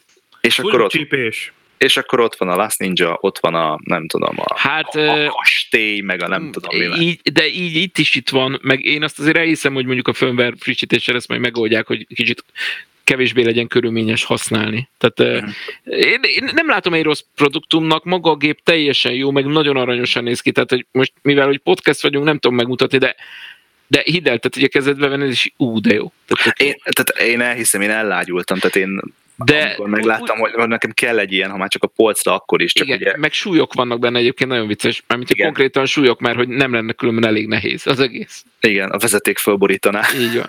Tehát egy újabb, újabb műanyag emulátor, sajnos a, mondom, a, a, a kontrollt azt nagyon elrontották, különben nem lenne rossz. A menürendszer teljesen használható, és a beépített játékok szuperül működnek rajta egyébként. Uh-huh de zászóként akkor egyelőre csak hardcore fanoknak, és ezt, várunk belőle egy másik revíziót. Ezt egyelőre csak azoknak ajánlom, akik maguk magáért a, a, a vizualitásáért, tehát az, hogy ott van a két kütyű a, a, a polcon, uh-huh. azért. A használni, tehát játszani nem ezen fognak.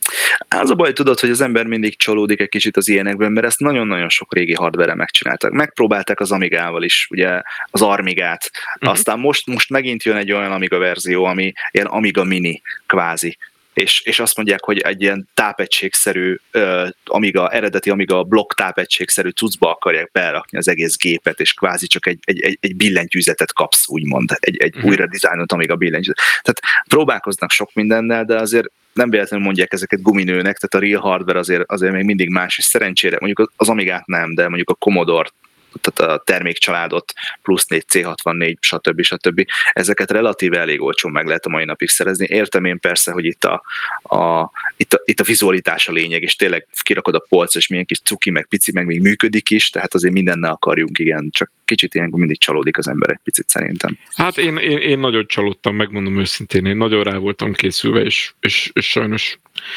nem javíthatatlan, de ez, ez így az első körben egy picit, picit, picit hasalt.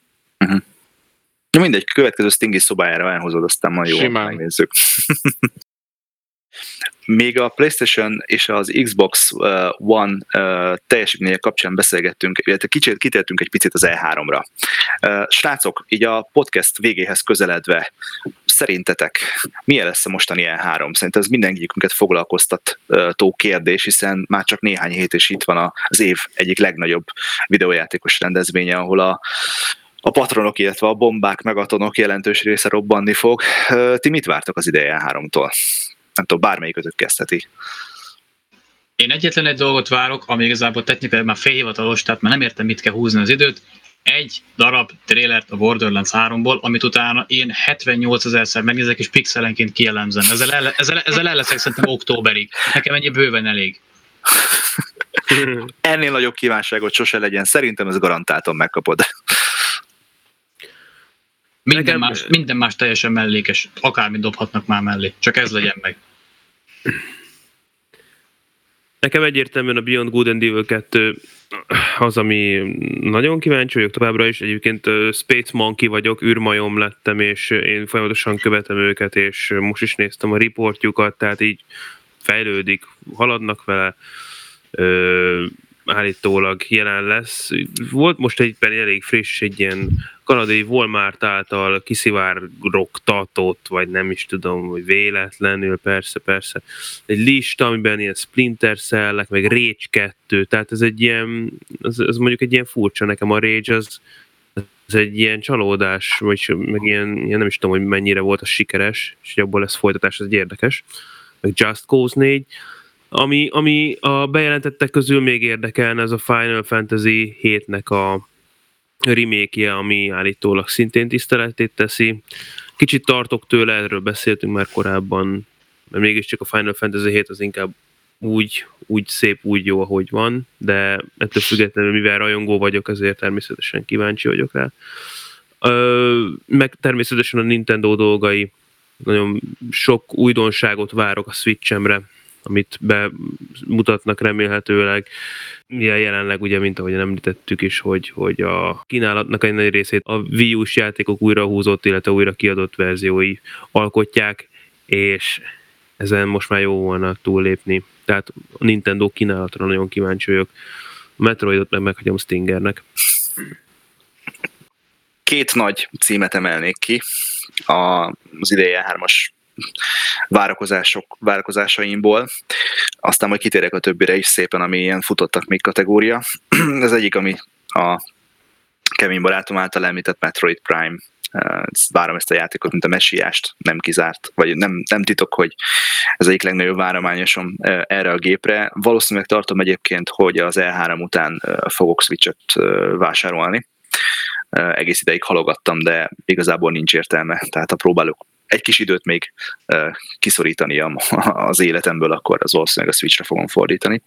Tehát az Metroid, Metroid Prime az egyik, a másik az pedig a most jött a hír, éppen ma vagy tegnap olvastuk a Twitteren, hogy megvan már az Anthemnek a, a hivatalos launch date ami 2019 március környékére tehető, előtte lesz belőle open beta, úgyhogy arra mindenféleképpen kíváncsi vagyok rá.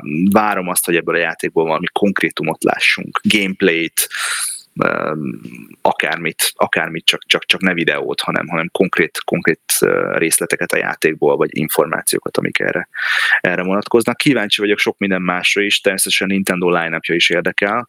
Mindig hoznak valami meglepetést, aminek így lehet örülni, és a tavalyi E3 az ilyen szempontból nekem az a katarzis volt kíváncsi vagyok a Remedinek az új játékára, elvileg kihozzák az új játékukat. Nem tudni, hogy ők, ők, ők mind dolgoznak. Mindenféleképpen egy olyan játékot várok tőlük, ami legalább olyan nívós és olyan szintű lesz mondjuk, mint az lmv ami szerintem a világ egyik legnagyobb meg nem értett játéka, és Liquiddel beszéltük azt, hogyha egyszer mi hatalomra kerülünk, akkor kötelezővé tesszük mindenki számára. Hogy ezen kívül, hogy mit várok az E3-tól, főként exkluzív címeket várom, nyilván én is, a, a, hogy a Scalebound-ot bejelentsék, hogy akkor befejezik, várom az új Halo-t, hogy valamit mutassanak belőle. Ezen kívül egyébként hagyom magamat meglepni, tehát kápráztassanak el. Nekem mindenféleképpen izgalmas lesz a mostani E3. Repti. Én. én, én megmondom hogy én, én engem annyira nem köt le az E3, tudom, ez ilyen nagy eretnekség. Tehát mostában annyira nem érdekel, nem nagyon várok így kifejezetten semmit, nincsenek ilyen, tehát jönnek majd ki játékok, meglátjuk. E, e, engem technikai, technikai dolgok most egy picit jobban érdekelnek, de azt általában már GDC-n ellövik. Most volt a Direct Ray Trace, meg ilyen dolgok. Mm. Tehát ez, ez, ez, engem ez. De ha egyetlen egyet kéne mondani, és muszáj lenne, akkor én a Ready at Dawn következő játékára vagyok kíváncsi, és nagyon ajánlom nekik, hogy az legyen, amire, amit szeretnénk páran, hogy folytassák, folytassák szépen. Ne csigázz, ne csigázz. Elkezdtek. Hát ők csinálták a Lónekót tavaly. Mm, igen. Szeretném, szeretném hogyha Zuckerberg bácsi kimenne. Igen, igen, pont ezt akartam neked mondani. Mit is várunk egy olyan embertől, aki Lónekóval játszott, és hát, megmutatta nekünk, hogy mi fanterem a VR. Megmutattam nektek a... Így van. Ó, köszönjük, uram! Hüllők Istene, hogy elhoztad nekünk ezt a, a játékot. A fényt az alagút végén, vagyis hát a headset végén. Meg is mellé, mellékes info, hogy a egy legutóbbi uh, kedélyes baráti társaságunk összejövetele alkalmával Repti elhozta a, az oculus és elhozta a lónekot, és itt mindenki hasra esett tőle, konkrétan nem volt olyan, aki ne. Úgyhogy azóta tudjuk, hogy azért igen. egy ilyen, egy ilyen tényleg, tényleg VR, VR-re tervezett igazi sci-fi játékot, ami tényleg tényleg hozza magából a, magában a, a skifi faktort beleépültünk Stinger szekrényébe konkrétan, nem használtunk. Hát kör, körbe kellett táncolni a srácokat konkrétan, hogy most vissza, most húz vissza a kezed, nem, most neki fogsz menni a szekrénynek, na, most már neki is mentél, jó van. ez, ez vicces volt, amikor ott rohangáltál a kábellel mindenki fölött. igen, igen, igen, én voltam a, a trolli áramszedője konkrétan. A, a kábelbarát. Mindez megvan videón, én fölvettem uh, Stingy első lónekós élményét, szóval ha majd egyszer lesz uh, valami ilyen prémium szolgáltatásunk, ahol, ahol mindezért pénzt kérünk, akkor ez lesz az egyik ilyen kioldható tartalom. Határozottan megtiltom. Van az, az a pénz, van az a pénz. Figyelj, gyerekek, tényleg nem kell köntörfalazni, a Luneco egy kibaszott jó játék. És nekem, mint első igazi VR élményem, pedig ugye a többi játékot meg sem néztük, első igazi VR élményként azt kell, hogy mondjam, hogy én, én nem akarok másik játékot, mint a Lunecot, és kicsit irigy vagyok egyébként Reptile, aki már végigjátszott, brutál gyerekek, brutál tényleg. Tehát egy az, az a szabadságérzet, az a szabadságfok, egy ilyen kaliberű, ilyen látványt, látványjal megoldott, vagy megáldott sci-fi játékkal egy űrhajóban lebegve, az kinézel, és ott, ott van az Saturnus, meg maga az egész, az, az, az az interakció, amit ugye a touch controllersek segítségével képesek voltunk átélni. Szerintem tuti. Igazából én eléggé gameplay, gameplay fetisista vagyok, és, és tényleg legyen megtervezve az utolsó centig a pálya, minden. Uh-huh. A Lónekóval úgy voltam, hogy, hogy hagyjatok békén a feladataitok, hogy én, én most lebegek, és, és így lököttem magam, lebegtem, és így, hát ez valami cool, hát ez valami nagyon, és így mondja a repti, na arra kéne menni, nem érdekel, nem érdekel. Én most lebegek is kész. Hát én konkrétan két, két vagy három percig így, így, így szótlanul bókláztam, vagy ezért bámészkodtam, tudod, kint ott a, a vezérlő fül, tehát a, a, az irányító fülkének az ablakán, hogy így két tenyérre így rátapadtam, és akkor néztem basszus mellettem ott egy bolygó, nem tudom, Saturnus volt, az nem is tudom, egy hatalmas bolygó, elvesztem. Tehát azt mondtam, hogy oké, okay, kész véget, tehát nekem ennyi volt. Tehát imádom. Igen, nem rossz dolog. Nem rossz játék. Igen, nem rossz játék. Na, de lassan kifutunk az időnkből, úgyhogy lassan. szerintem vagy már ki is futottunk. Hát igen, ez van akkor, amikor jó témákat hozunk nektek. Reméljük, hogy élveztétek ezt a műsort. Köszönjük szépen, hogy ismét velünk tartottatok. Dani, neked kifejezetten köszönöm, hogy csatlakoztál erre a, erre a felvételünkre, és elláttál minket a Destiny-nek a, a mindennapos csinyával, binyával. Köszönjük szépen, srácok, még egyszer. Jövő hónapban ugyanúgy találkozunk. Köszi szépen, sziasztok! Stinger voltam. Kevin. Reptile. És Nes. Köszi szépen, ez volt a Bonus Stage, sziasztok! Sziasztok! sziasztok.